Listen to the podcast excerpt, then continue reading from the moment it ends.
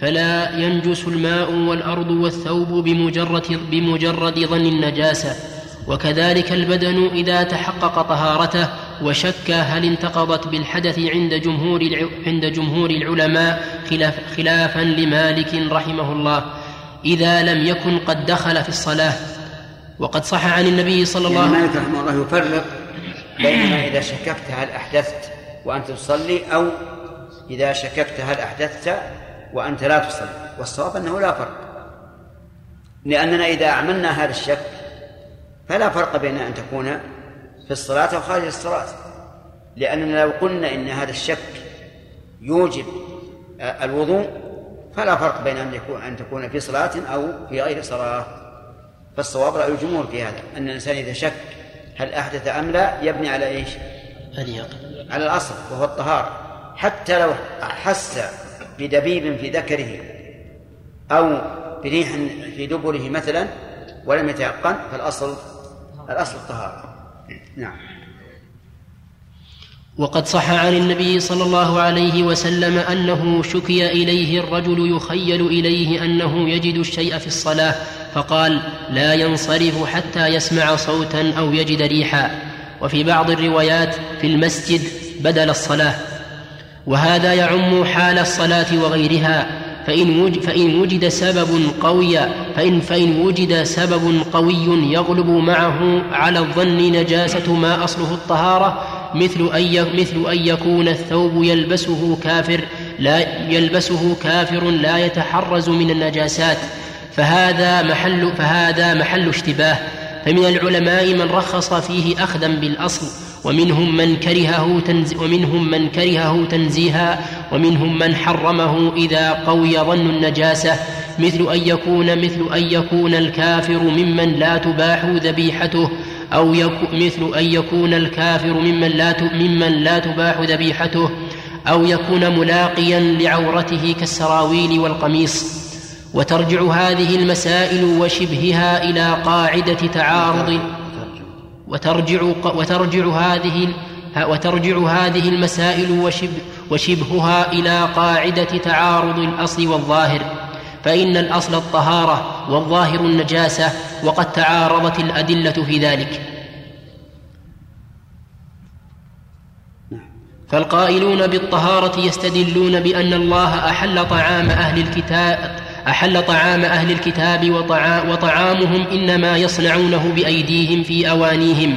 وقد أجاب النبي صلى الله عليه وسلم دعوة يهودي وكان هو وأصحابه يلبسون ويستعملون ما يجلب إليهم مما نسجه الكفار من الثياب من الثياب والأواني. وكانوا نعم.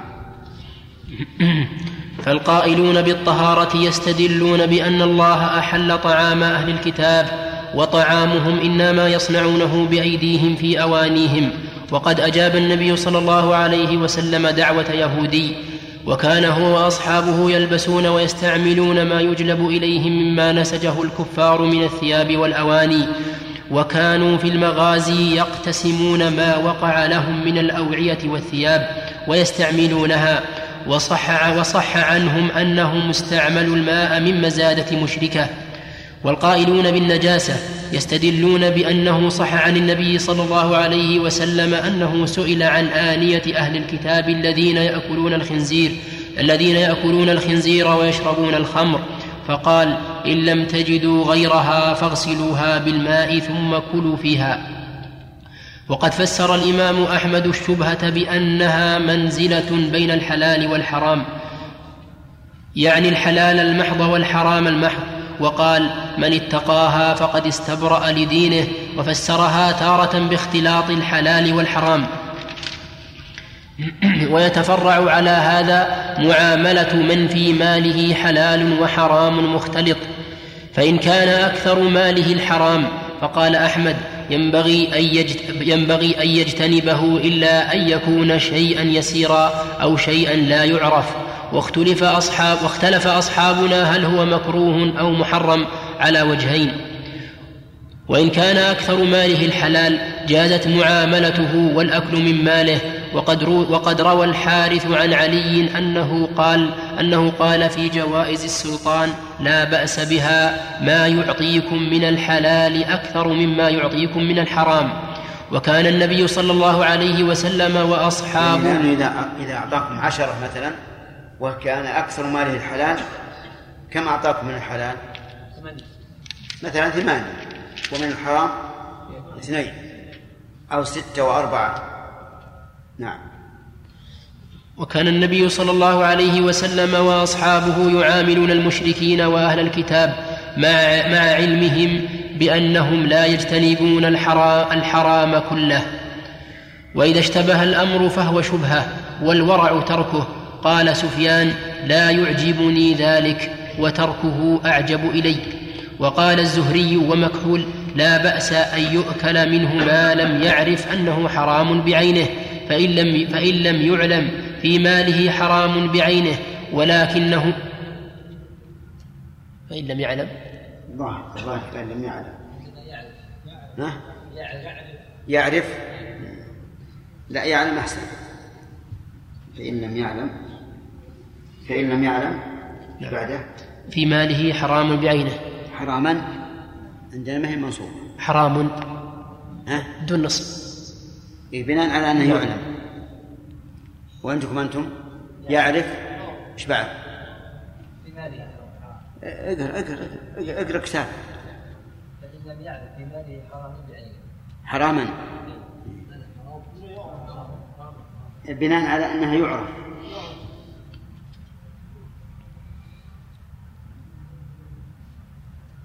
لا بس تصلح. ما دام أحسن ما ما نغير حرام نعم أعد أعد النص. وقال وقال الزهري ومكحول لا بأس أن يؤكل منه ما لم يعرف أنه حرام بعينه فإن لم يعلم في ماله حرام بعينه ولكنه علم أن فيه شبهة فلا بأس فلا بأس بالأكل منه. نص عليه أحمد في رواية حنبل. وذهب إسحاق بن راهوية نص عليه ولا ونص؟ بدون واو. نعم. وذهب إسحاق بن راهوية إلى ما روي عن ابن مسعود وسلمان وغيرهما من الرخصة وإلى ما روي عن الحسن وابن سيرين في إباحة الأخذ مما مما يقضي مما يقضي من الربا والقمار. نعم. ها؟ لا مما مما يقضي من الربا والقمار نقله عنه ابن منصور. وقال الإمام أحمد في المال المشتبه حلاله بحرامه إن كان المال كثيرا أخرج منه قدر الحرام وتصرف في الباقي. عندك نقله عن ولا عنهما؟ عنه. عنهما اثنين عن عن الحسن وابن سيرين. لا يا شك. فلعله نقله يعني ناقل عن الإمام أحمد رحمه الله أنه نقله عن حسن وابن سيرين. ما يعود إلى إسحاق. نعم. ما يعود إلى إسحاق. في أول وذهب إسحاق بن راهوي. بعده قال وإلى ما روي عن الحسن فذهب إسحاق إلى ما روي وإلى ما روي يصح كما قلت. وقال الإمام أحمد في المال المشتبه حلاله بحرامه إن كان المال كثيرا أخرج منه قدر الحرام وتصرف في الباقي وإن كان المال قليلا اجتنبه فله. وهذا لأن القليل إذا تناول منه شيئا فإنه يتبعه فإنه فإنه فإنه تبعد منه السلامة من الحرام بخلاف الكثير. ومن أصحابنا من حمل ذلك على الورع دون التحريم. وأباح التصرف في القليل والكثير بعد إخراج قدر بعد إخراج قدر الحرام منه وهو قول الحنفي وهو قول الحنفية وغيرهم وأخذ به قوم من أهل الورع منهم بشر الحافي. ورخص قوم من السلف في الأكل ممن يعلم في ماله حرام.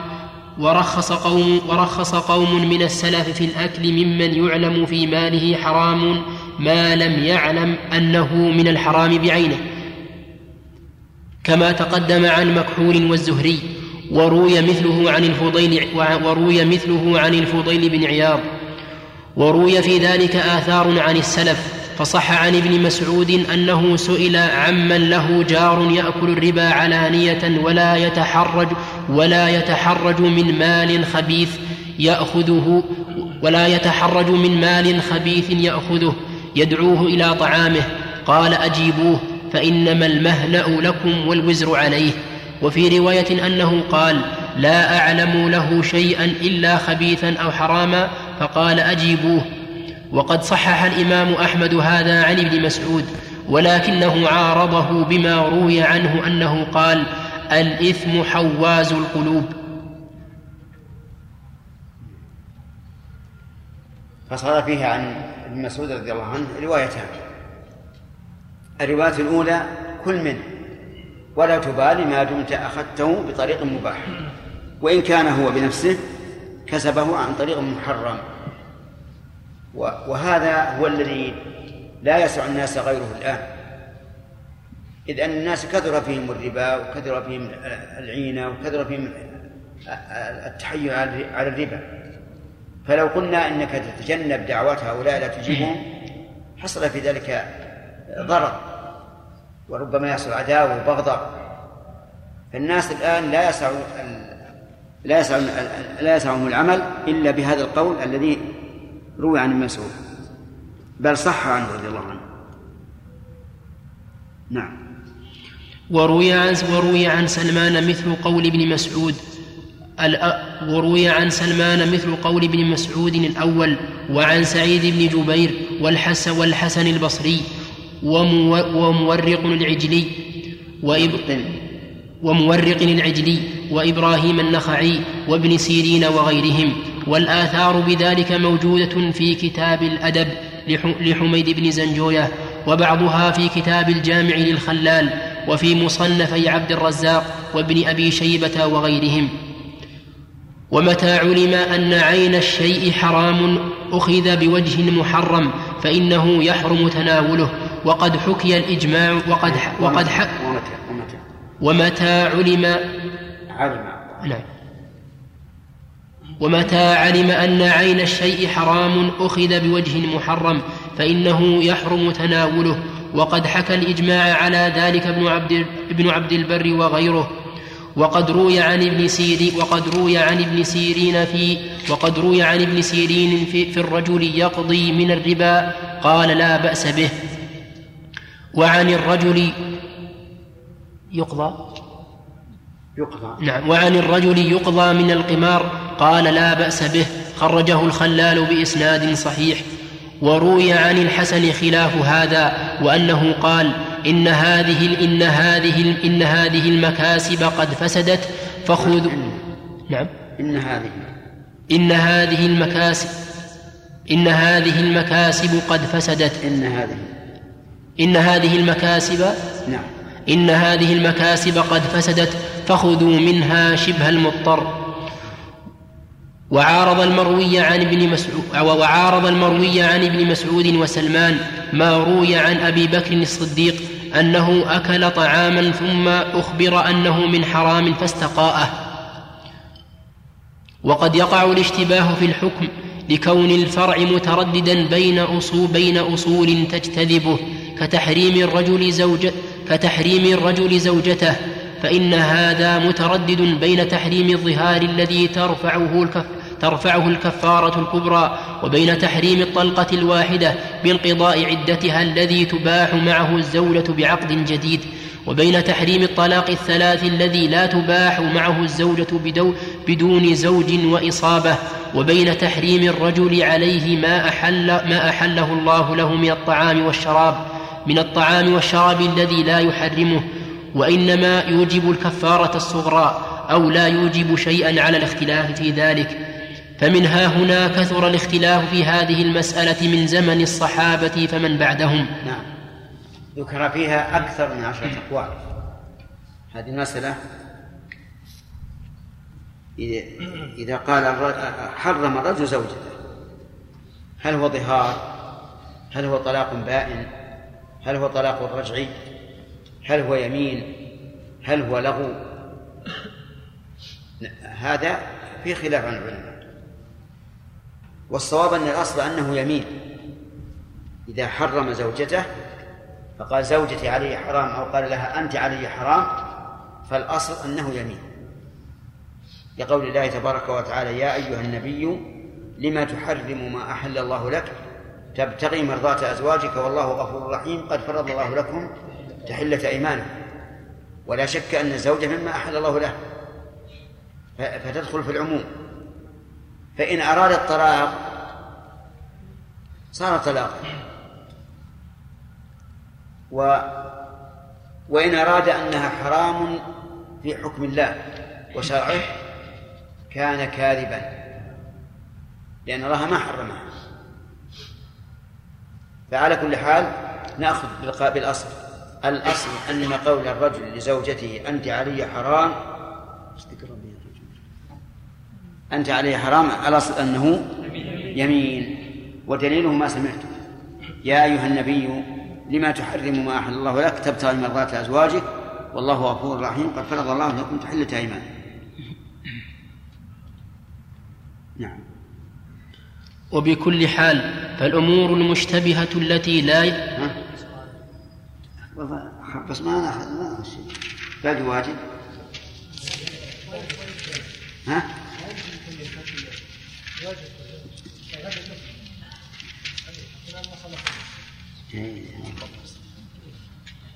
إن كان هناك سؤال فأظن رياض أشار من قبل. وقت السؤال ما جاوبت. نعم؟ ما جاوبت السؤال ما جاوبت السؤال؟ طيب ننتظر. نعم.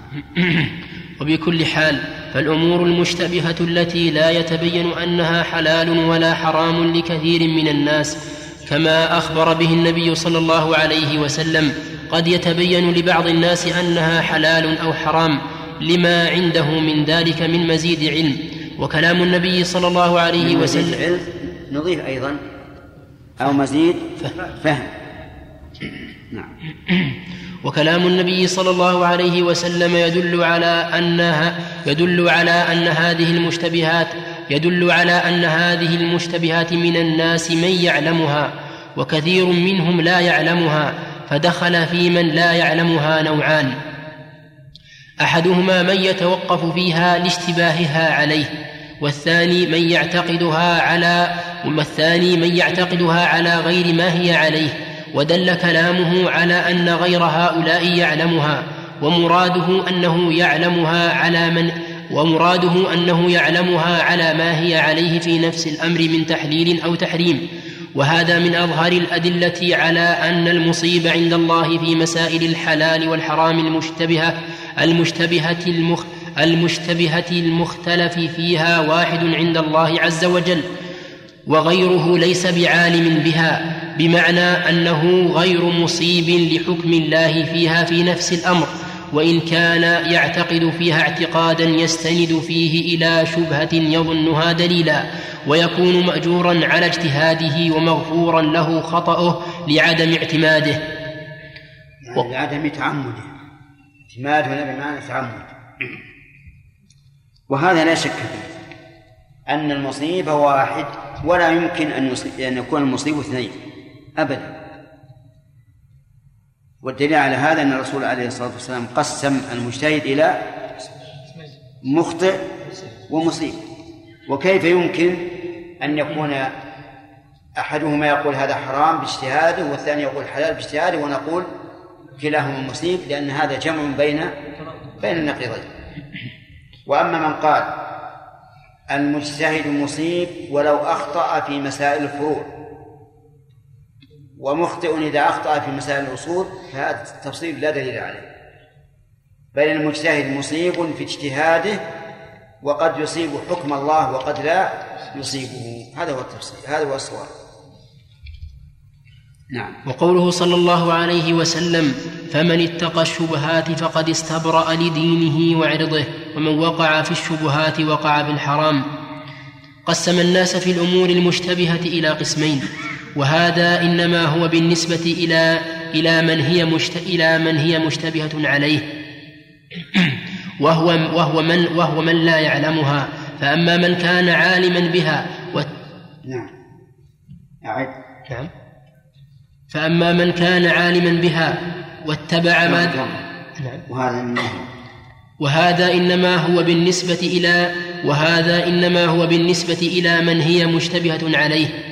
وهو من لا يعلمها. نعم. فأما من كان عالما بها واتبع ما دل علمه عليها ما دله. واتبع ما دله علمه عليها فذلك قسم ثالث لم يذكره لظهور حكمه. فإن هذا القسم أفضل الأقسام, أفضل الأقسام الثلاثة لأنه علم حكم الله في هذه الأمور المشتبهة على الناس واتبع واتبع علمه في ذلك. وأما من لم يعلم حكم الله فيها فهم قسمان. أحدهما من يتقي هذه الشبهات لاشتباه لاشتباهها عليه فهذا قد استبرأ لدينه وعرضه. ومعنى استبرأ طلب البراءة لدينه وعرضه من النقص والشين. والعرض هو موضع المدح والذم من الإنسان وما يحصل له بذكره بالجميل مدح وبذكره بالقبيح قدح. وقد يكون ذلك تارة في نفس الإنسان وتارة في سلفه أو في أهله. فمن اتقى فمن, فمن اتقى الأمور المشتبهة واجتنبها فقد حصن عرضه من القدح والشين الداخل على من لا يجتنبها. وفي هذا دليل على أن من ارتكب الشبهات فقد عرض نفسه للقدح فيه والطعن. كما قال بعض السلف من عرض نفسه للتهم فلا يلومن من أساء به الظن. وفي رواية للترمذي في هذا الحديث فمن تركها استبرأ فمن تركها استبراء لدينه وعرضه فقد سلم. والمعنى أنه يتركها بهذا القصد وهو براءة دينه وعرضه من النقص لا لغرض آخر فاسد من رياء لا لغرض آخر فاسد من رياء ونحوه. وفيه دليل على أن وفيه دليل على أن طلب البراءة للعرض ممدوح كطلب البراءة للدين. ولهذا ورد أن ما ولهذا ورد أن ما وقى أن ما وقى به المرء عرضه فهو صدقة. إيش؟ كل كل ما وقع من أن أن كل ولا كل بدون أن؟ بدون أن سؤالي هل عندكم كل بدل أن أن أو جمع بين أن وكل؟ الثاني جمع. إيه طيب.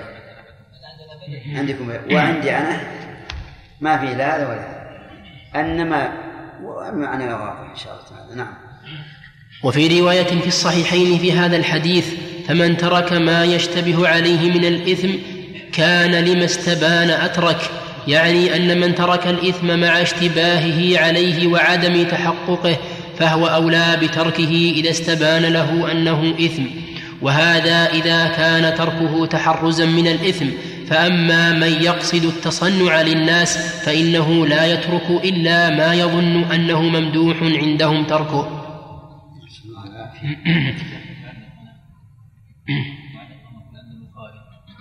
إيش؟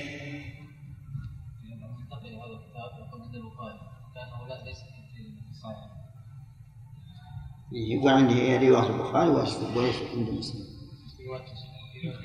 هذه دائما تقع يكون النسخ تختلف فيجدها العالم في نسخته ويعزوها للصحيح. واحيانا ينكرها العالم وهي موجودة في البخاري. مثل إنكار شيخ الإسلام رحمه الله الجمع. بين إبراهيم وعلى آل إبراهيم في التشهد يقول ليست البخاري وهي فيه موجودة. لكن النسخ تختلف. القسم الثاني من يقع في الشبهات مع كونها مشتبهة عنده فأما من أتى شيئا مما يظنه الناس شبهة لعلمه بأنه حلال في نفس الأمر فلا حرج عليه فلا حرج عليه من الله في ذلك. لكن إذا خشي من طعن الناس عليه بذلك كان تركها حينئذ استبراء لدينه فكان تركها حينئذ استبراء لعرضه فيكون, حسنا. وهذا كما قال النبي صلى الله عليه وسلم لمن رآه واقفا لمن رآه واقفا مع صفية إنها صفية بنت حيي. وخرج أنس إلى الجمعة فرأى الناس قد صلوا ورجعوا فاستحيا ودخل موضعا لا يراه الناس فيه وقال من لا يستحيي من الناس لا يستحيي من الله وخرجه الطبراني مرفوعا ولا يصح وإن أتى ذلك لاعتكاف ماذا تقول يا رياض؟ إيش؟ العينة إذا اشترى شخص من آخر مواشي نعم اتفق مثلا على قيمة المواشي دي ولكن إلى مثلا ستة شهور على أن يأخذ هذه المواشي عنده فإذا ربحت في أثناء الفترة باعها لنفسه ثم رد على هذا خيار. هذا معناه الخيار لا لا لا مسألة العينة مين بهذا. العينة يشتريها شراء تاما. لا أن تقول إنها إذا غليت إذا إذا ربحت أمضى البيع. أي لكن الخيار؟ ما ما انتقل انتقالا مستقرا المهم أن هذا هو بالخيار؟ ما دام جعل له الخيار لكن العلماء يقولون لا يتصرف أحدهما في الشيء في الخيار إلا بإذن آخر. نعم. عبد الله. أنت يعني حرام قلنا أنه إذا نوى الطلاق يكون طلاق نعم. كيف الطلاق؟ شيخ وهو أنت عليه حرام ليس بصريح ولا كناية. وما الكنايات نعم هل وقوع رجل في الشبهات هل هو مصور هل هو إيش؟ مصور هل هو؟ مصور مصور لإساءة الظن به مصور إيش؟ إساءة الظن به مصور ليش؟ إساءة الظن به نعم ربما يكون عند الناس ربما يكون الناس الذي هو بين أيديهم أو الذي هو بينهم لا يعرفون إلا الحرام. فيتهمون. ولهذا إذا كان عالما مرموقا بينهم وحجة يأتون يسألون يقول كيف فعلت كذا؟ إذا لم يكن عالما فهم يقعون في عرضه نعم. شيخ بالنسبة لاختلاف المناهج في التعامل مع الأدلة فكيف يعرف مثلا الطالب أن هذا المنهج هو الصح من غيره حتى يتبناه خاصة إذا علم أنه إذا جعله قاعدة عنده قد يخطئ مثلا إذا لم يكن شوف بارك الله فيك الطالب ما له حق يستقل. الطالب يتبع شيخه.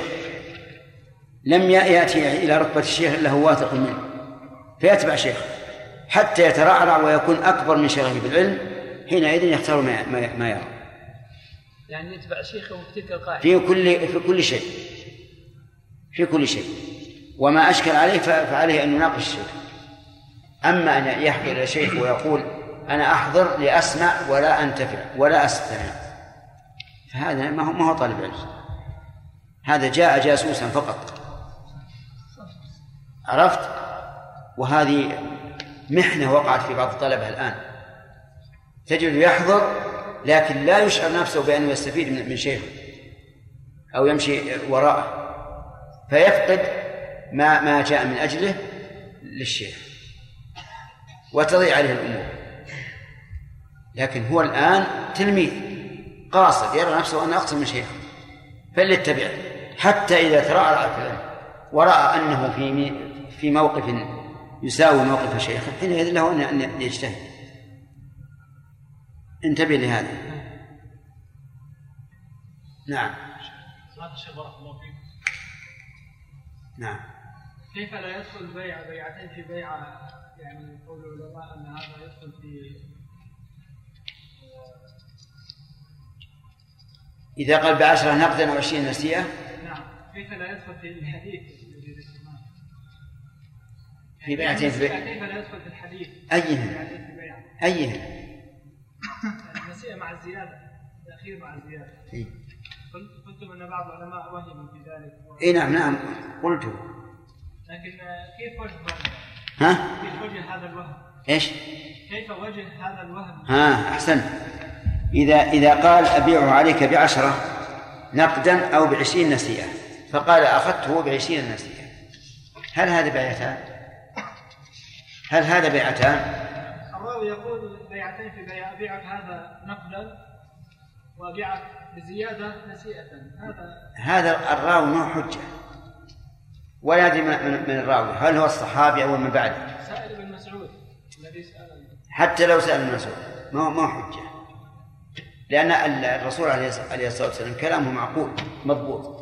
إذا قلت هذا بعشرة نقدا أو بعشرين نسيئة. فقال أخذت بعشرين نسيئة. أين البيعتان؟ ثمنان في بيعة واحدة. والبيعة والبيعتان بيعة هو ما فسره النبي عليه الصلاة والسلام. فقال من باع بيعتين في بيعة فله أو كسرهما أو الربا. هكذا صح عنه عليه الصلاة والسلام. وهذا ينطبق تماما على مسألة العينة. فإذا باع مثل هذا الكتاب بمئة إلى سنة. هذه بيعة. ثم اشتراه من, من الذي اشتراه منه بثمانين نقدا.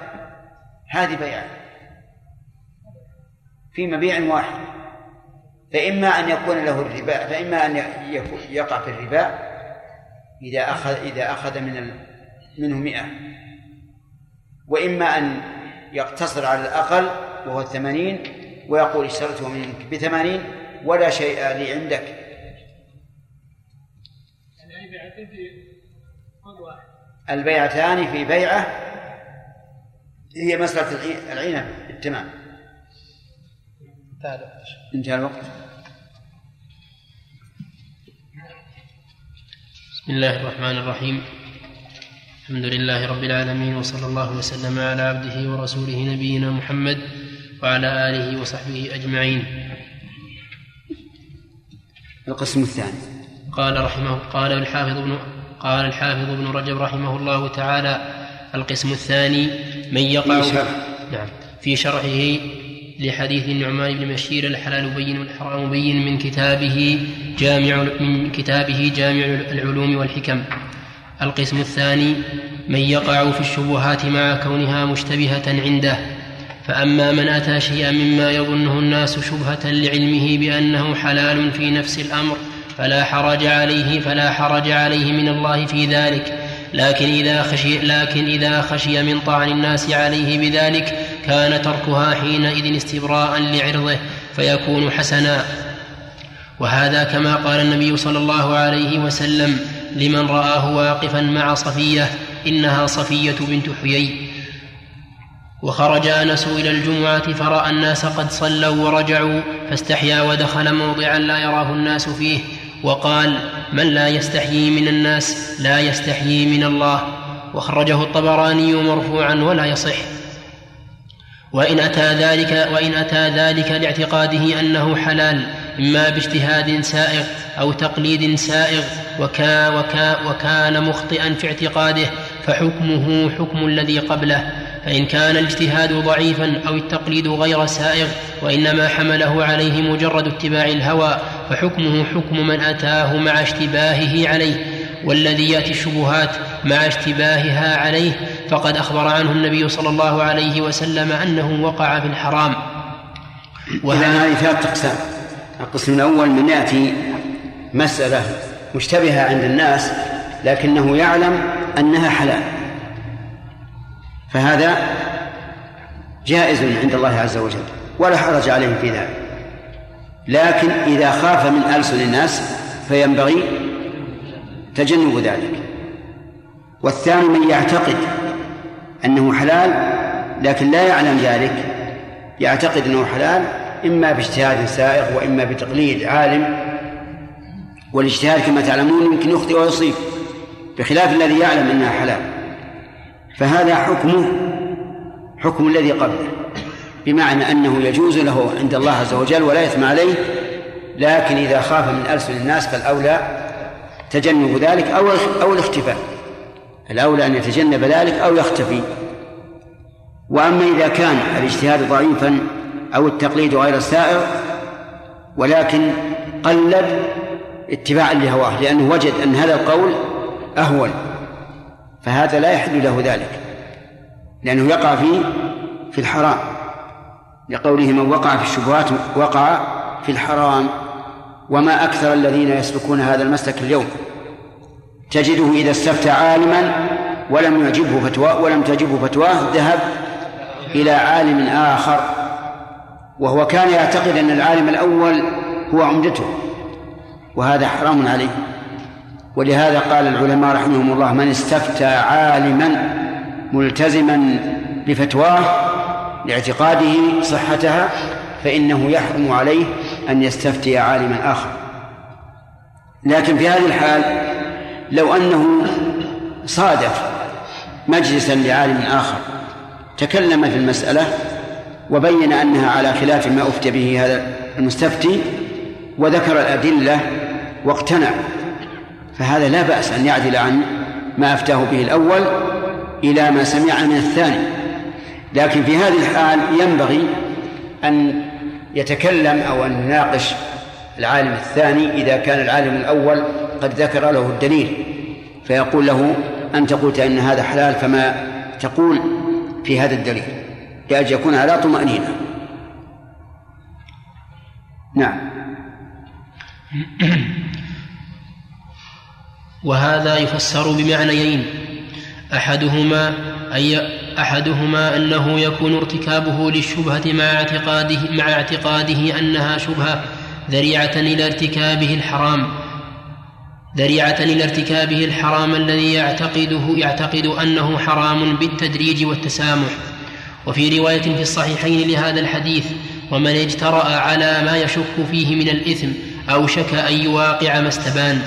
وفي رواية ومن يخالط الريبة يوشك أن يجسر أن يقرب أن يقدم على الحرام المحض والجسور المقدام الذي لا يهاب شيئا ولا يراقب أحدا.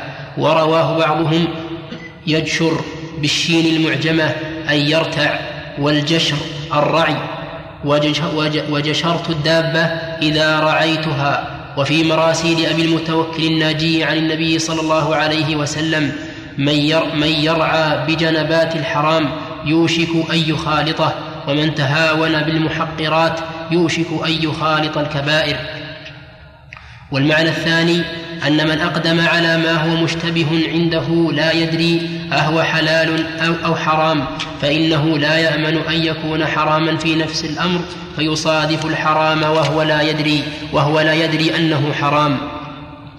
وقد روي من حديث ابن عمر عن النبي صلى الله عليه وسلم أنه قال الحلال بين والحرام بين والحرام بين وبينهما مشتبهات فمن اتقاها كان أنزه لدينه وعرضه ومن وقع في الشبهات أوشك أن يقع في الحرام.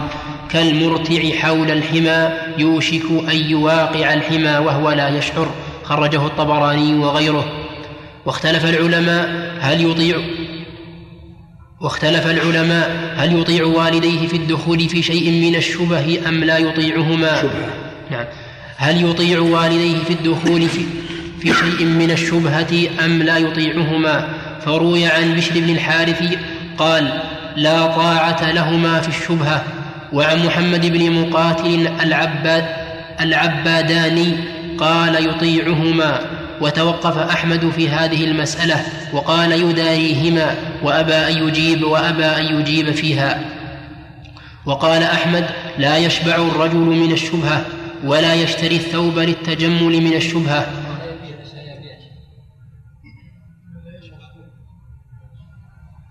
لا يشبع. أحسن يعني ذكر الطعام واللباس. لا يشبع بمعنى أنه يقتصر على أدنى شيء. في المال المشتبه. المشتبه فيه. نعم. وتوقف في حد ما يؤكل وما يلبس. هذا كأنه يؤيد نسخة. نعم. كأنه يؤيد النسخة لا يشبع. وقال في التمرة يلقيها الطير لا يأكلها ولا يأخذ ولا لا يأكلها ولا يأخذها ولا يتعرض لها. الله أكبر. وقال الثوري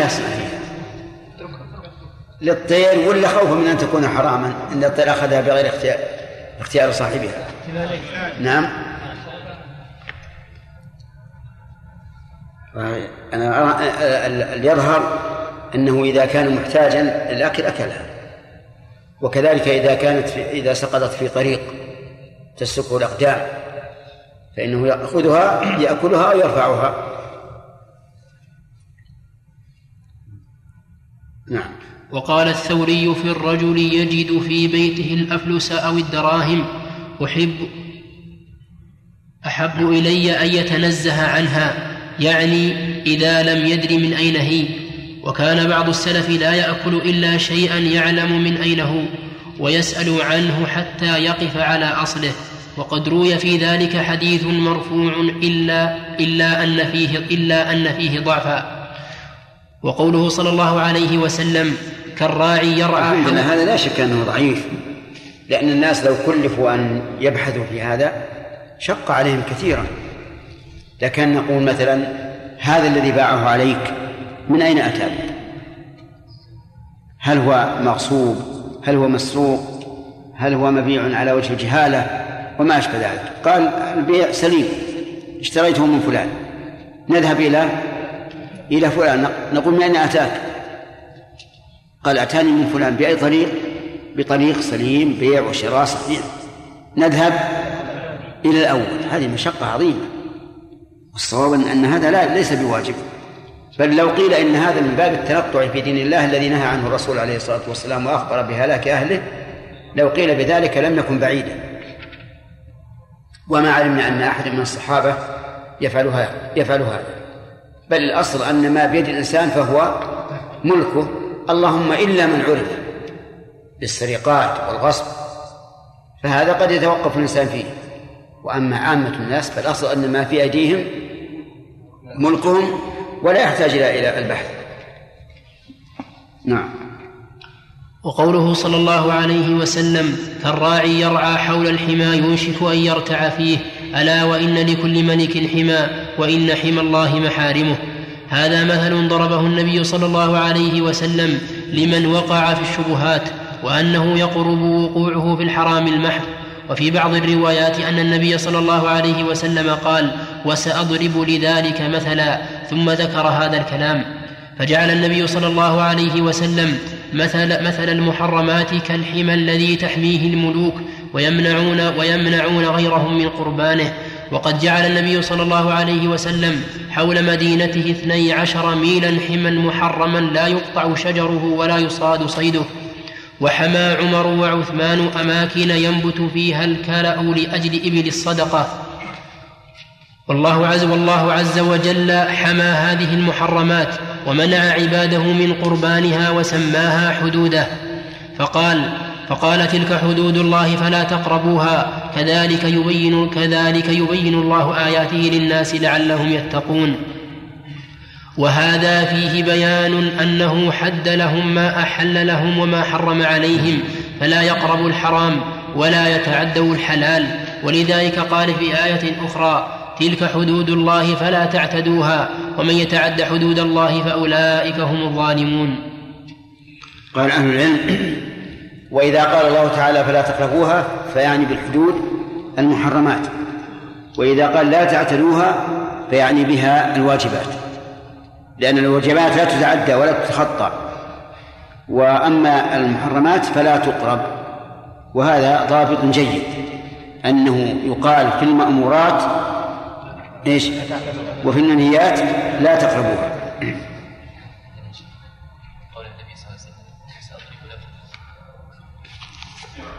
وسأضرب ذلك مثلا؟ إيه لا ما ما نعم. وجعل ما وجعل من يرعى حول الحمى وقريبا منه جديرا بأن يدخل الحمى جديرا بأن يدخل الحمى ويرتع فيه. فكذلك من تعدى الحلال ووقع في الشبهات فإنه قد قارب الحرام غاية المقاربة. فما أخلقه بأن يخالط الحرام المحض بأن يخالط الحرام المحض ويقع فيه. وفي هذا إشارة إلى أنه ينبغي التباعد عن المحرمات وأن يجعل الإنسان بينه وبينها حاجزا. نعم. وقد خرج الترمذي وابن ماجه من حديث عبد الله بن يزيد عن النبي صلى الله عليه وسلم أنه قال لا يبلغ العبد أن يكون من المتقين حتى يدع ما لا بأس به حذرا مما به بأس. وقال أبو الدرداء وقال أبو الدرداء تمام التقوى أن يتقي الله العبد حتى يتقيه من مثقال ذرة وحتى يترك بعض ما يرى أنه حلال خشية أن يكون حراما حجابا بينه وبين الحرام. وقال الحسن ما زالت التقوى بالمتقين حتى تركوا كثيرا من الحلال مخافة الحرام. وقال الثوري إنما سموا المتقين لأنهم اتقوا ما لا يتقى. وروي عن ابن عمر أنه قال إني لأحب أن أدع بيني وبين الحرام سترة من الحلال لا أخرقها. وقال ميمون بن مهران لا يسلم للرجل الحلال حتى يجعل بينه وبين الحرام حاجزا من الحلال. وقال سفيان بن عيينة لا يصيب عبد حقيقة الإيمان حتى يجعل بينه وبين الحرام حاجزا من الحلال وحتى يدع الإثم وما تشابه منه. ويستدل بهذا ويستدل بهذا الحديث من يذهب إلى سد الذرائع إلى المحرمات وتحريم الوسائل إليها.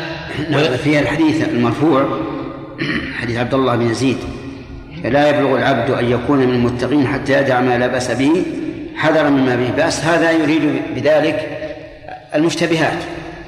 وأما الحلال البين فلا شك أن الإنسان يبلغ أن يكون من المتقين وإن لم يدعه. وما روي من الآثار عن بعض السلف رحمهم الله فهذا من باب الزهد وهو ترك ما لا ينفع في الآخرة. نعم. ويستدل بهذا الحديث من يذهب إلى سد الذرائع إلى المحرمات وتحريم الوسائل إليها. ويدل على ذلك أيضا من قواعد الشريعة تحريم قليل ما يسكر كثيره وتحريم الخلوة بالأجنبية وتحريم الصلاة بعد الصبح وبعد العصر سدا لذريعة الصلاة عند طلوع الشمس وعند غروبها. ومنع الصائم من المباشرة إذا كانت تحرك شهوته.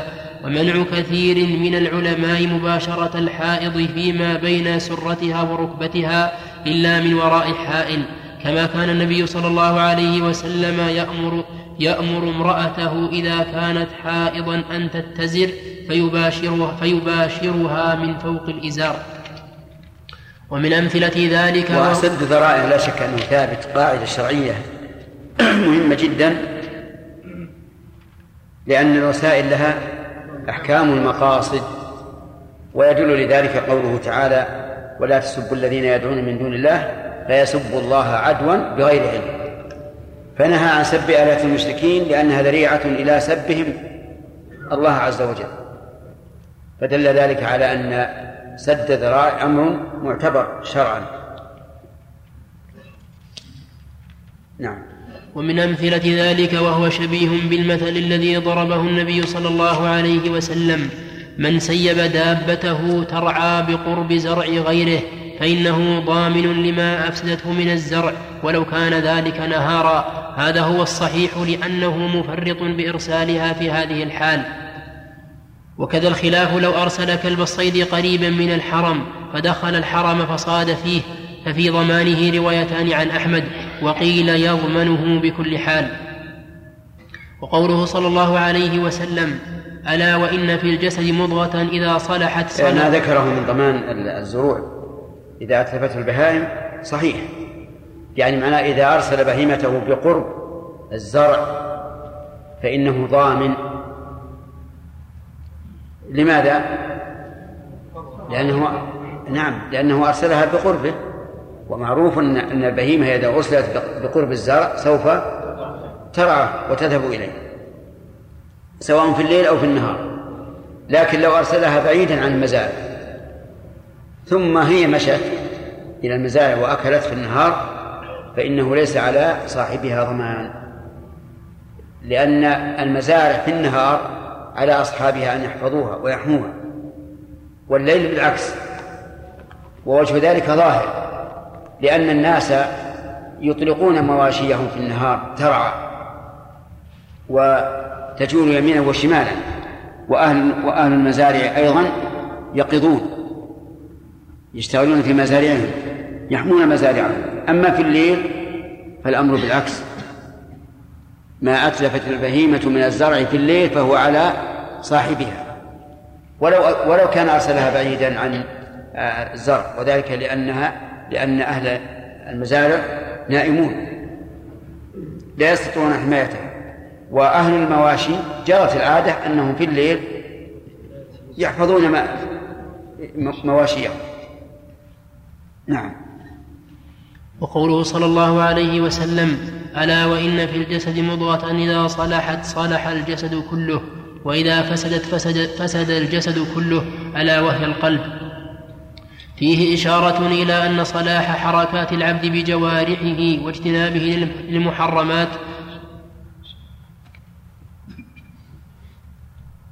طيب.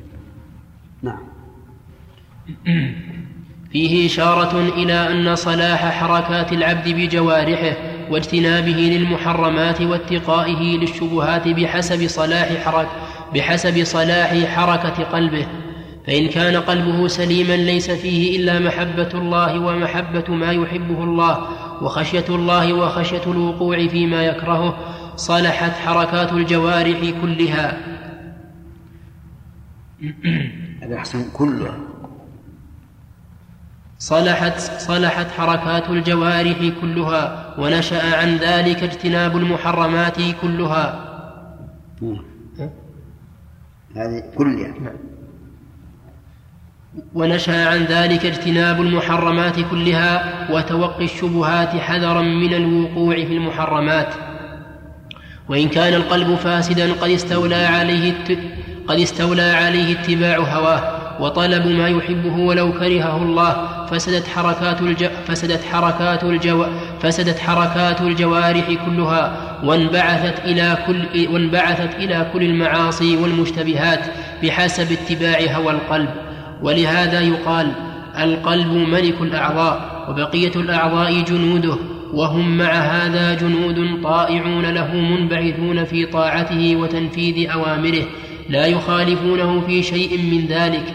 فإن كان الملك صالحا كانت هذه الجنود صالحة وإن كان فاسدا كانت جنوده بهذه المثابة فاسدة. ولا ينفع عند الله إلا القلب السليم كما قال تعالى يوم لا ينفع مال ولا بنون إلا من أتى الله بقلب سليم. وكان النبي صلى الله عليه وسلم يقول في دعائه أسألك قلبا سليما فالقلب السليم هو السالم من الآفات والمكروهات كلها وهو القلب الذي ليس فيه سوى محبة وهو القلب الذي ليس فيه سوى الذي الذي ليس فيه سوى محبة الله وما يحبه ليس فيه سوى محبة الله وما يحبه الله. وخشية الله وخشية الله وخشية ما يباعد عنه. وفي مسند الإمام أحمد عن أنس عن النبي صلى الله عليه وسلم أنه قال لا يستقيم إيمان عبد حتى يستقيم قلبه. والمراد باستقامة إيمانه استقامة أعمال جوارحه فإن أعمال الجوارح لا تستقيم إلا باستقامة القلب ومعنى ومعنى ومعنى استقامة القلب. أي ومعنى استقامة القلب أن يكون ممتلئا من محبة الله ومحبة طاعته وكراهة معصيته. قال الحسن لرجل قال الحسن لرجل داو قلبك فإن حاجة الله إلى العباد صلاح قلوبهم. يعني أن مراده منهم ومطلوبه صلاح قلوبهم. فلا صلاح للقلوب حتى تستقر فيها معرفة الله وعظمته ومحبته.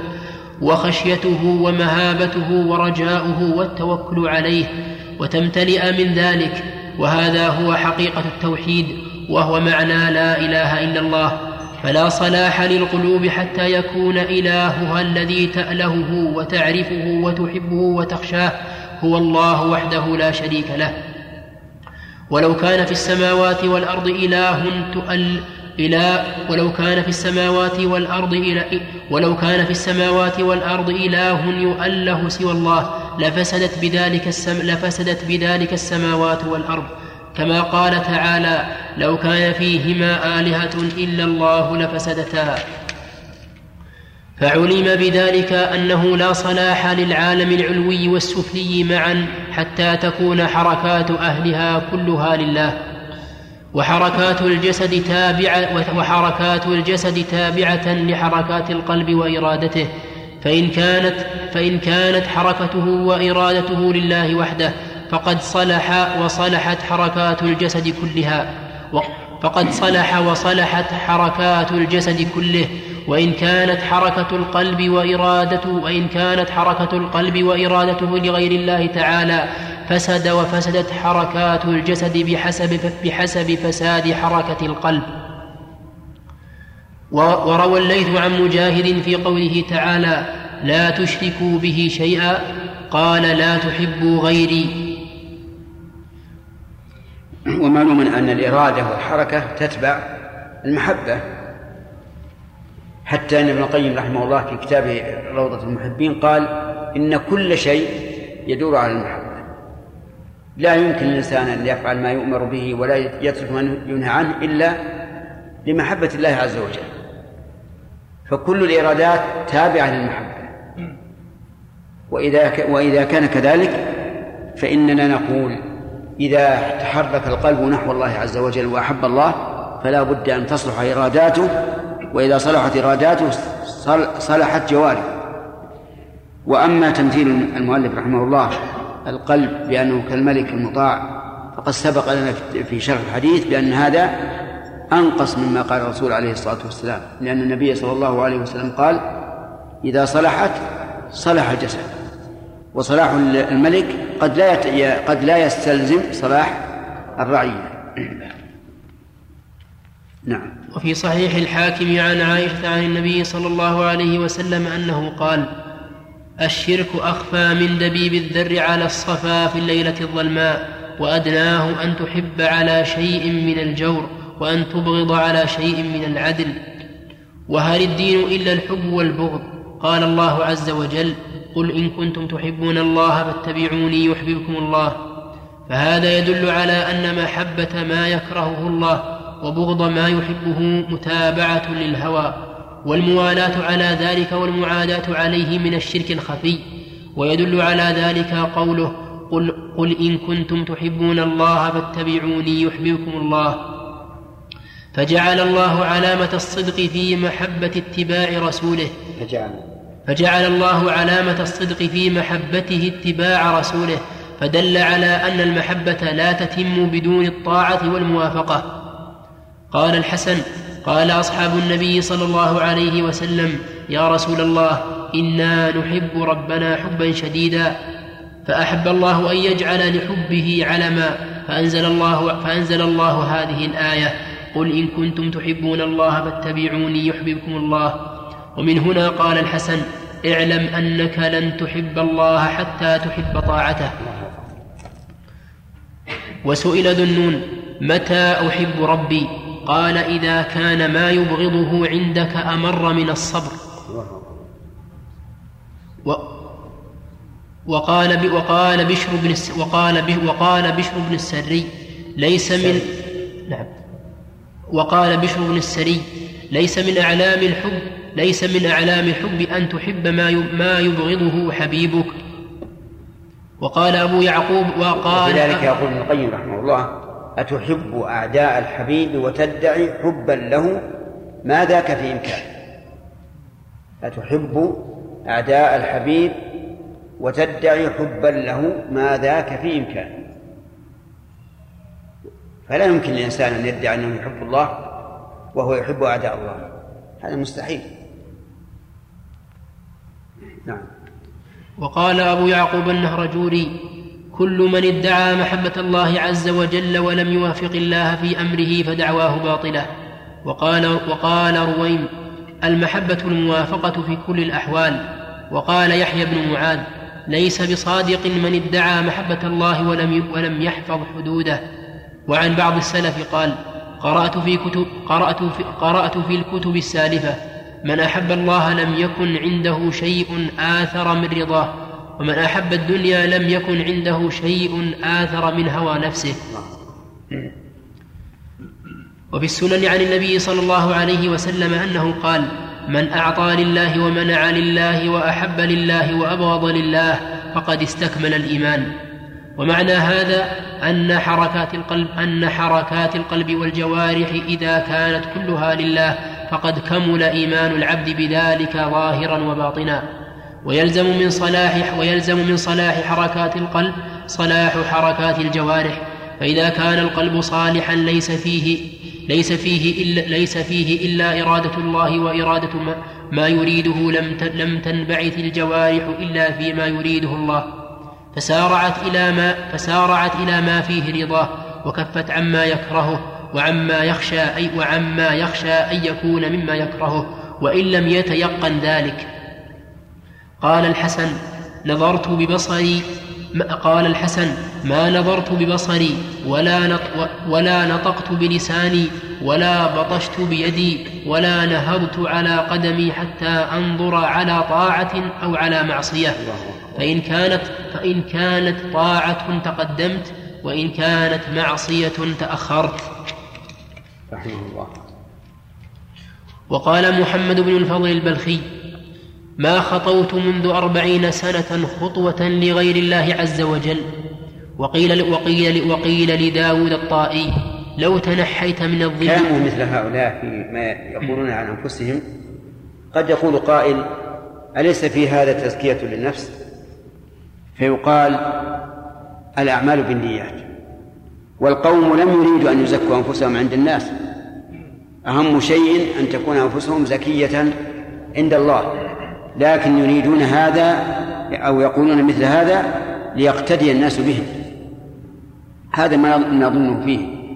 وليس قصدهم أن أن يتمدحوا عند الناس وأن يزكوا أنفسهم. لأن هذا لا يمكن أن يقع مثل مثل من مثل هؤلاء الأخيار. نعم. وقيل لداود الطائي لو تنحيت من الظل إلى الشمس فقال هذه خطى لا أدري كيف تكتب. فهؤلاء القوم لما صلحت ورحمه الله. هذه أقول مبالغة. فنقول إنه لو, لو تنحى من الظل إلى الشمس في أيام الشتاء لعلمنا ماذا تكتب. إيش تكتب؟ تكتب حسنة. لأنه أراد بذلك الرفق في نفسه. والرفق بالنفس لا شك أنه خير وأنه مما جاءت به الشريعة. إن لنفسك عليك حقا. فهو رحمه الله من باب من باب المبالغة في أنه لا يفعل حتى الشيء المعلوم حسنه لا يفعله حتى يعرف آه، كيف يكتب نعم. فهؤلاء القوم لما صل لما صلحت قلوبهم فلم يبق فيها فلم يبق فيها إرادة إرادة لغير الله عز وجل صلحت جوارحهم فلم تتحرك إلا لله عز وجل وبما فيه رضاه. والله تعالى أعلم. وأعلم أن هذا الحديث ألا وإن في الجسد مضغة يرد على أولئك الأقوام الذين إذا نهيتهم عن معصية قالوا التقوى ها هنا وأشاروا إلى صدورهم لأن النبي صلى الله عليه وسلم قال التقوى ها هنا وأشار إلى صدره فنقول لهم لو كان ما ها هنا متقيا لاتقى الظاهر. لأن النبي صلى الله عليه وسلم يقول إذا صلحت صلح الجسد كله وإذا فسدت فسد الجسد كله. ففساد الظاهر يدل على فساد الباطن. وأما صلاح الظاهر فلا يدل على صلاح الباطن لأنه قد يكون قد يقع هذا من المنافق. يصلح ظاهره ولكنه ولكن باطنه خبيث. هذه ورقة يقول الدروس لا إحنا يعني قصد الطلبة كلنا أخذ الآن المستمع ليس من الطلبة المستمع الظاهر يا شيبة كم جبت اليوم؟ كم؟ وأمس؟ خمسة باقي أيضا طيب أجل إن شاء الله حبكم بالباقي. غدا إن شاء الله تجيبوا. نعم. نعم. شيخ بارك الله فيكم. هذه التمور التي على رؤوس النخل في الطرقات أي نعم. هي من جانب ملك للبلدية. ونرى مثلا أن لهم عمال ويسقونها وكذا. ومن جهة أخرى لا يحيطونها مثلا عن الناس ولا يحمونها. فهل يقال من أخذ منها حرام أم شبهة؟ أم ليس فيه شيء؟ والله هذا سؤال جيد ومهم ينبغي الاعتناء به ولكن جوابه عند رئيس البلدية.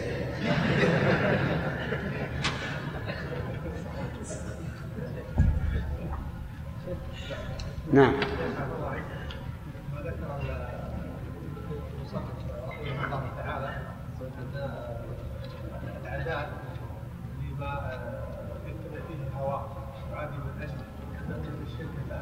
نعم.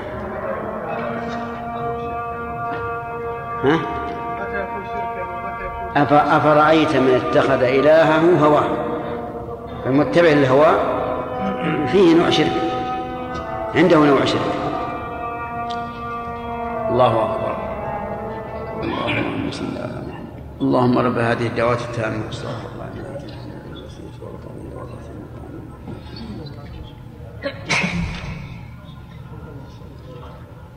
قراءة بين إيش؟ يسأل عالما فإذا لم تجده الفتوى سأل غيره. نعم. هل مثل هذا أن شخص إذا وقع في مسألة كمثلا كمثلا إذا طلق زوجته وهي حائض. إيش؟ كمثلا إذا طلق زوجته في الحيض. نعم. ورأيناه عازما على الذهاب إلى عالم نعلم أنه سيبعده عنه. نعم. وأشرنا عليه أن يذهب إلى إلى غيره من يرى أنه لا يقع. مثل هذه المسألة؟ وهذه تنبني على ما, ذكرنا إذا كان ذهب إلى من يرى أنه لا يقع الطلاق بالحيض اتباعا لهواه فهذا لا يجوز و... وأما إذا ذهب إليه لكونه يثق فيه أكثر بعلمه وأمانته فلا بأس نعم الكل موثوق لكن إيش؟ الكل موثوق من العلم لكنه نصح على هذا ليرد عليه. ذكرنا في في في هذه المسائل أنه إذا اختلف مفتيان ولم يتميز أحدهما عن الآخر فقد ذكر العلماء لهذه في هذه المسألة ثلاث أقوال. التخيير بين هذا وهذا واتباع ما هو أحوط وأشد واتباع ما هو أخف. وذكرنا أن الذي نرى أن ونرجح أنه أنه الأخف يتبع الأخف لكن في مسألة الطلاق في الحيض أكثر الناس ما يدرون أنه حرام. أكثر الناس لا يعلمون أنه حرام فإذا ذهبوا إلى من يرى أنه أنه لا يقع مع تساوي العالمين عندهما فلا بأس. نعم. الناس يرى بعض يمنع من الوقوع فيها خوفا هذا لا يعتبر نقص التوحيد بلى. هذه يسأل يقول بعض بعض الناس يرغب أن يفعل المحرم لكن يمنعه من الناس يمنعه منه الخوف من الناس. فهذا لا شك إنه من من الشرك. لأنه اتقى الناس ولم يتق الله. لا هو يرغب الحرام الحرام لكن يمنعه من الوقوع فيه الخوف من الله؟ من الله. أنت تقول من الناس. من الله. من الله. اي وش الإشكال؟ هذا هذا هو حقيقة التوحيد. هذا حقيقة التوحيد لأنه خشي الله. نعم. لبس بماء الذهب أو لبس.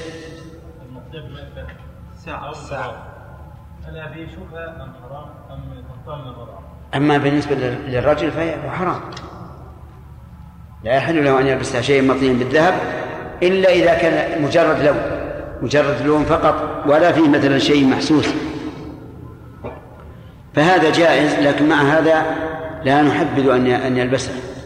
لسببين السبب الأول أنه يقتدى به. والسبب الثاني أنه يساء الظن به عند أهل الخير. ويقال هذا لا يخاف الله يلبس ساعة الذهب. والحمد لله في في غير في غير هذا اللون من الألوان ما هو أحسن. نعم. شيخ من المعلوم أن الشرع يمنع أن يعاقب المظلوم ظالمه بخلاف الشرع. لكن بعض الأحيان آه، نجد مثلا أنه يبيح آه، مثل ذلك في حدود ضيقة كمن سبه شخص يجوز له أن يسبه رغم أن السب منهي عنه شرعا. فما الضابط؟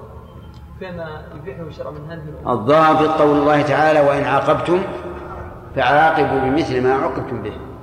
إلا إذا كان الشيء محرما لعينه. كإنسان أكرهه شخص فتلوط به. فلا نقول لمن فعل به ذلك إذا تمكنت من أن تتلوط بالفاعل بك فافعل. ما نقول هذا. رجل الشيخ اعتمر ثم خرج من مكة مباشرة إلى آه، ثم رجع إلى إلى هل بنية إيش؟ خرج مباشرة إلى جدة بنية السفر ثم طرأ عليه أن يرجع. هذا ما عليه وداع. لو كان ذهب إلى جدة هو في نيته عليه وداع إذا أراد أن يسافر من مكة. انتهى الوقت؟ طيب. إذا ناخذ درس جديد. ها؟ وش حنسوي؟ نعم. كملها أسئلة يا شيخ. وش وقفنا الباب؟ ها؟ يدرون ما الغيبة كيف؟ يدرون ما الغيبة لا تحاسدوا ولا تناجشوا هذا جديد باب الجديد عشان بنقل ما تضرر إن شاء الله ابدا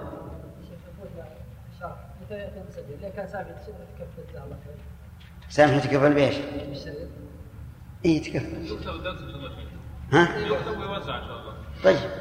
الشيخ بعد سنوات بعد موسى يطلع بعد لا لا لا. لا موسى اي معروف مماطل لكن مماطل بحق. إذا طلع منه الشريط ولا ما شاء الله مضبوط.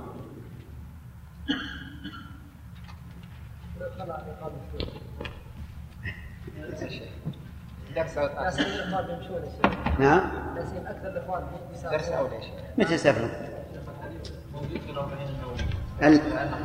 ال... أي.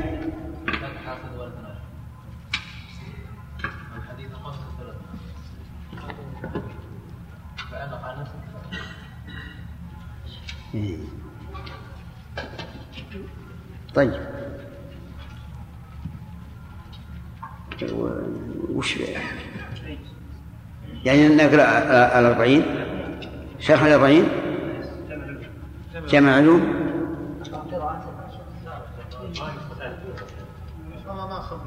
نعم. نقرأه ثم نقرأ بسم الله الرحمن الرحيم. قال رحمه الله تعالى فيما نقله عن أبي هريرة رضي الله عنه قال رسول الله صلى الله عليه وسلم لا تحاسدوا ولا تناجشوا ولا تباغضوا ولا تدابروا ولا يبع بعضكم على بيع بعض وكونوا عباد الله إخوانا. المسلم المسلم أخو المسلم لا يظلمه ولا يخذله ولا يخذله ولا يحقره. التقوى ها هنا ويشير إلى صدره ثلاث مرات بحسب امرئ من الشر أن يحقر أخاه المسلم إلى آخره. هذه كلها أخلاق فاضلة وآداب عالية. حث عليه النبي صلى الله عليه وسلم بما سمعتم. قال لا تب... لا تحاسدوا المعنى لا يحسد بعضكم بعضا. وليس المعنى لا تحاسدوا من الطرفين بل الحسد مذموم ولو من طرف واحد. وليس بالشرط أن يكون بين اثنين. وسبق لنا أن الحسد عرفه أكثر العلماء بأنه أن يتمنى زوال نعمة الله على غيره. وعرفه شيخ الإسلام رحمه الله بأنه كراهة ما أنعم الله به على غيره وهذا أعم وأقرب. و ولا تناجشوا أي لا ينجش بعضكم على بعض في البيع والشراء. والمناجشة فسرها العلماء أن يزيد في السلعة أي في ثمنها وهو لا يريد شراءها. وإنما يريد مضرة المشتري أو منفعة البائع أو الأمرين جميعا. أما الأول فأن ينظر إلى الذي سامها فإذا هو من أعدائه. سامها بمئة فقال هذا الرجل أنا أشتريها بمئة وعشرة. هذا نجش لأي شيء؟ للإضرار بالمشتري. الصورة الثانية صاحبه يريد أن يبيع شيئا فعرضه في المزايدة فزاد في ثمنه وهو لا يريد شراءه لكن يريد إيش؟ منفعة البائع. الصورة الثالثة مركبة من الأمرين أن يكون السائم عدوا له والبائع صديقا له. فينجش من أجل إيش؟ من أجل أمرين منفعة البائع ومضرة المشتري.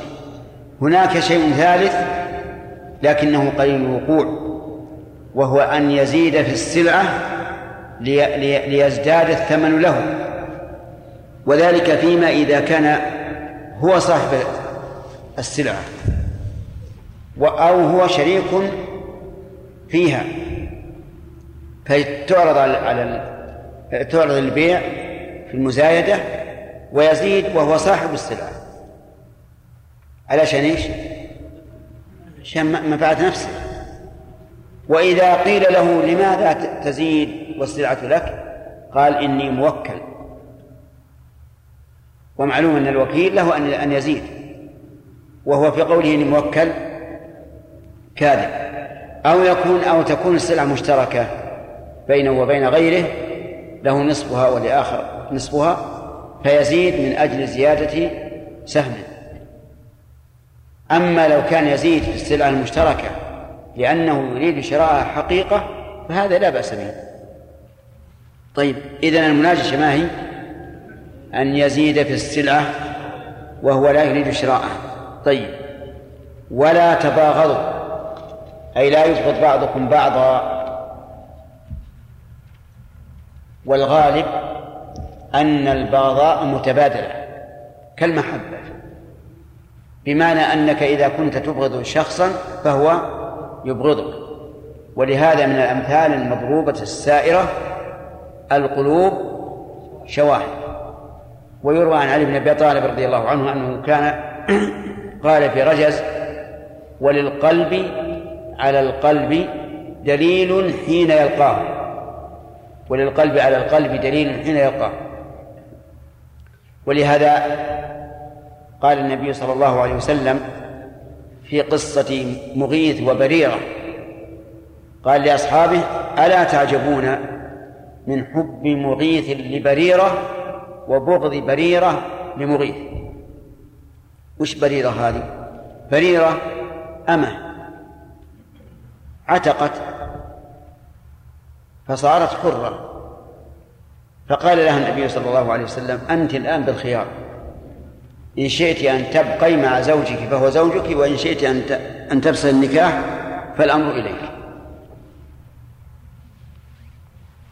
فقالت أريد فسخ النكاح. هي لا تريد زوجها. ففسخ النبي صلى الله عليه وسلم نكاحها. فتأثر لذلك زوجها تأثرا شديدا حتى جعل يلحقها في أسواق المدينة يبكي. من شدة محبتها له وهي رضي الله عنها إيش؟ تبغضه بغضا شديدا ولم ترحمه وهو يلاحقها يبكي. فطلب من النبي صلى الله عليه وسلم أن يشفع إليها. وكان النبي صلى الله عليه وسلم سمحا حسن الأخلاق. فشفع لهذا الرجل في امرأته إلى امرأته. قال ارجعي إليه. قالت يا رسول الله إن كنت تأمرني فسمعا وطاعة. الله أكبر. الإيمان. تقدم أمر الله ورسوله على هوى نفسها.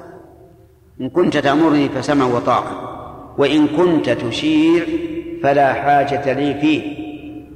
فقال بل أنا مشير. فقال لا حاجة لي فيه. والمقصود من هذا من سياق هذا أن الرسول قال ألا تعجبون من إيش؟ من حب مغيث لبريرة وبغض بريرة لمغيث.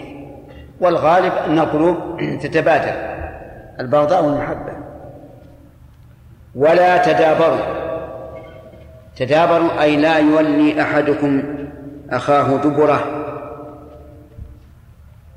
وهذا يشمل التدابر المعنوي والتدابر الحسي. التدابر المعنوي أن تختلف وجهات النظر وأن يبتعد كل واحد عن الآخر وأن يفسقه ويضلله ويبدعه وما أشبه ذلك. هذا تدابر. والذي ينبغي من المسلمين أن تكون وجهتهم واحدة وأنه إذا خالف أحد في الرأي في الرأي حاولوا أن يجذبوه إليه. فإن أبى فإنه لا يضر. يجب أن لا يؤثر في اتجاه بعضهم إلى بعض.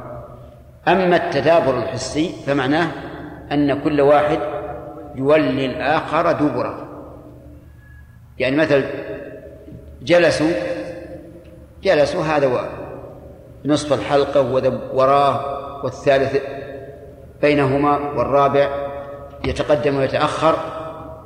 ولهذا وصف الله تعالى أهل الجنة بأنهم على سرر متقابلين لا يتدابرون. فالتدابر هذا منهي عنه. وعندي وإن, وإن كنت لازم فيه كثيرا أن منه ما يفعله بعض الناس الآن إذا انتهى من الصلاة وسلم تقدم على الصف. تقدم على الصف. فاستدبر إخوانه. ثم إنك تشعر بأن هذا الذي يعني قدم تشعر بأنه يعني يرى في نفسه شيئا من الزهو. ولذلك قال انسدح تشاهدون؟ هذه الجلسة يعني تدل على أن الإنسان عنده شيء من الغرور. وإن كنا لا نتهم أحدا في بما في قلبه والعلم والقلوب لا يعلمها إلا علام الغيوب. لكن لماذا؟ بعض الناس يقول والله تعبت رجل. والصف متراص. يقول الحمد لله الأمر واسع. قم إلى مؤخر المسجد أو مقدم المسجد. واجلس حيث شئت. أما أن تتقدم شبرا أو نحوه وتولي إخوانك ظهرك فهذا ثقيل عليه ولهذا بعض الناس شكى إلي هذا الأمر. قال أنا أتضايق من هذا. إذا صلى جنبي هم من تقدم عليه. أتضايق منه. نعم. آه إذن التدابر ينقسم إلى إيش؟ قسمين.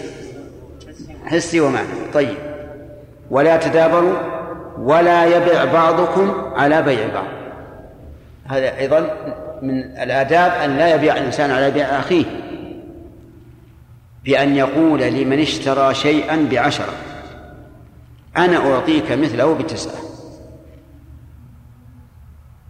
أفهمتم؟ إنسان اشترى هذه هذه بعشرة فذهب واحد من الناس وقال أنا أعطيك مثلها بتسعة أو أعطيك أحسن منها بعشرة فإن قال أنا أعطيك مثلها بعشرة هل هو بيع على بيعه؟ ليش؟ لأن الأول ما هو راح يرد على صاحبها ويأتي إليك زيادة تكلف لكنه لا يكون بيعا على بيعه إلا إذا كان أنقص ثمنا أو كانت السلعة أجود أجود صفة. هذا حرام. وظاهر الحديث أنه يح أنه لا يبيع على بيع أخيه سواء كان بعد لزوم البيع أو قبل لزوم البيع. بمعنى أنه لا فرق بين أن يكون في مدة الخيار أو بعد لزوم البيع. أما إذا كان في مدة الخيار فالتحريم ظاهر. يعني مثال ذلك اشترى اشترى سلعة بمائة ريال. وجعل الخيار له لمدة يومين. فذهب إنسان إلى المشتري وقال أنا أعطيك مثلها بتسعة أو خيرا منها بعشرة. هذا واضح أنه حرام. لماذا؟ لأن المشتري سوف يفسخ البيع على طول يذهب إلى البائع ويقول خلاص هو أنت لكن إذا كان بعد زمن الخيار يعني بعد لزوم البيع حيث لا خيار فهل فهل يحرم البيع على بيع أخيه؟ قال بعض العلماء إنه لا يحرم لأنه لو أراد أن يفسخ البيع لم يتمكن.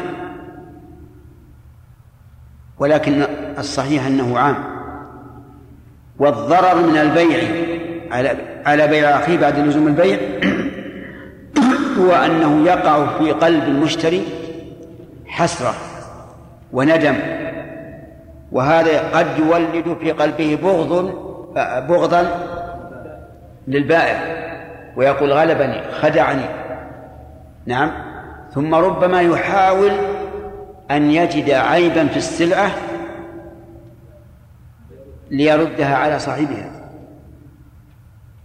لذلك القول الراجح في هذه المسألة أنه يحرم البيع على بيع على بيعه سواء كان بعد لزوم البيع أو قبل لزوم البيع. طيب وهل الشراء على شراء مثله؟ نعم. الشراء على شراء مثله. مثل أن يذهب إلى شخص باع سلعة بعشرة ويقول بعت بعشرة؟ قال نعم. أو مغلوب. أنا أعطيك مثل أنا أعطيك خمسة عشر. هذا حرام ولا لا؟ حرام. ليش؟ لأن هذا البايع إن كان في قبل اللزوم بالبيع سيذهب فورا ويفسخ البيع. وإن كان بعد لزومه فسيقع في قلبه شيء على على المشتري ويقول خدعني غلبني ويحاول أن إيش؟ أن يرده هل مثل الإجارة على إجارته؟ نعم. وهل مثلها الخطبة على خطبته؟ نعم. وهذه أيضا جاء في الحديث. لا يخطب على خطبة أخيه. مثاله سمع أن فلانا خطب امرأة. فذهب إلى المرأة أو إلى وليها وقال وخطبها منه. خطبها منه. وهو يعلم أنه إذا خطب سوف يزوجونه دون الأول. فهنا حرام. لا يجوز. طيب فإن فإن خطب وهو دون الأول مقاما وشبابا ومالا. فهل يحرم؟ نعم. هو يعرف إنه ما هم زوجين. الخاطب الأول رجل شاب وغني مهذب. نعم. والثاني شيخ كبير فقير. هل يحرم أو لا يحرم؟ يحرم. حتى وإن كنا نعلم أنهم لن يقبلوا. لماذا قلتم في مسألة البيع والشراء؟ لا بد أن يكون يزيد. أو يعطي سلعة أحق بالثمن أو بزيادة الثمن. نعم.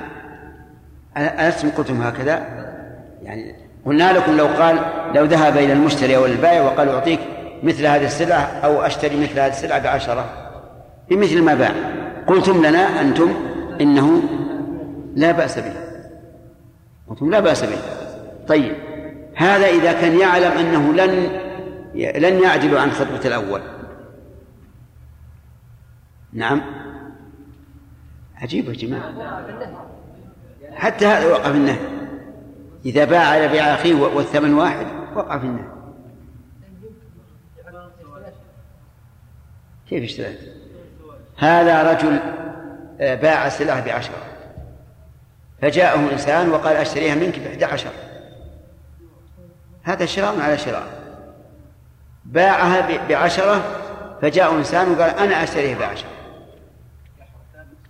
لا أنتم قلتم لا يحرم. قلتم لا يحرم. نعم. ها. شيخ أما البيع فلا يحرم لأن يعني يمكن للمشتري أن يشتري أكثر من سلعة والبائع كذلك. يبيع أكثر من سلعة نفس أما الزواج فلا يمكن أن لا يمكن. النساء كثير. النساء كثير. ما يمكن تأخذ اثنين. لا ما ما يمكن تأخذ اثنين. والسلع ما يمكن ما, ما تباع على اثنين. نعم لكن إذا جاء قال أعطيك مثلها بعشرة يشتري على كل حال المسألة إن أخذنا بالظاهر قلنا حرام. اصبر أنت حتى تشوف ولا هو شايف أن بزوجون إذا كان كفر. وإن أخذنا بالمعنى قلنا خطبة هذا الرجل لا تؤثر شيئا على الأول. إلا إذا علمنا أنها قد تؤثر يعني غلب على ظننا قد تؤثر. لأن بعض النساء ترغب مثلا الرجل الكبير أو الرجل المعوق ابتغاء وجه الله. هي تتزوج إنسان معوق تقول لأني أعرف أنه لو خطب ما ما أجيب وأنا أريد أن أتزوجه رحمة به. هذا ممكن. على كل حال نقول السلامة أسلم وأن لا تخطب على خطبة أخيه ومتى تجوز الخطبة؟ نقول تجوز إذا رد الخاطب الأول. هذه واحدة. يعني علم أن فلان خطب وردوه فله أن يخطب. فلا يقال لا تخطب لأنه ربما أعاد الخطبة مرة ثانية. يعني بعض الناس إذا خطب ورد وبقي يومين يعني شهر شهرين رجع. وخطب مرة ثانية. فإذا علمنا أن فإذا علمت أنه رد فلا بأس أن تخطب. كذلك إذا أذن الأول الخاطب. بمعنى أنك علمت أن فلانا خطب المرأة فذهبت إليه وقلت أريد منك أن تتنازل لأني أريدها. فتنازل. فيجوز. ما لم تعلم أنه تنازل حياء أو خجلا. فإن علمت ذلك فلا تقدم على الخطبة لأن هذا الإذن ليس عن رضا يقول عليه الصلاة والسلام وكونوا عباد الله إخوانا كونوا فعل أمر عبادة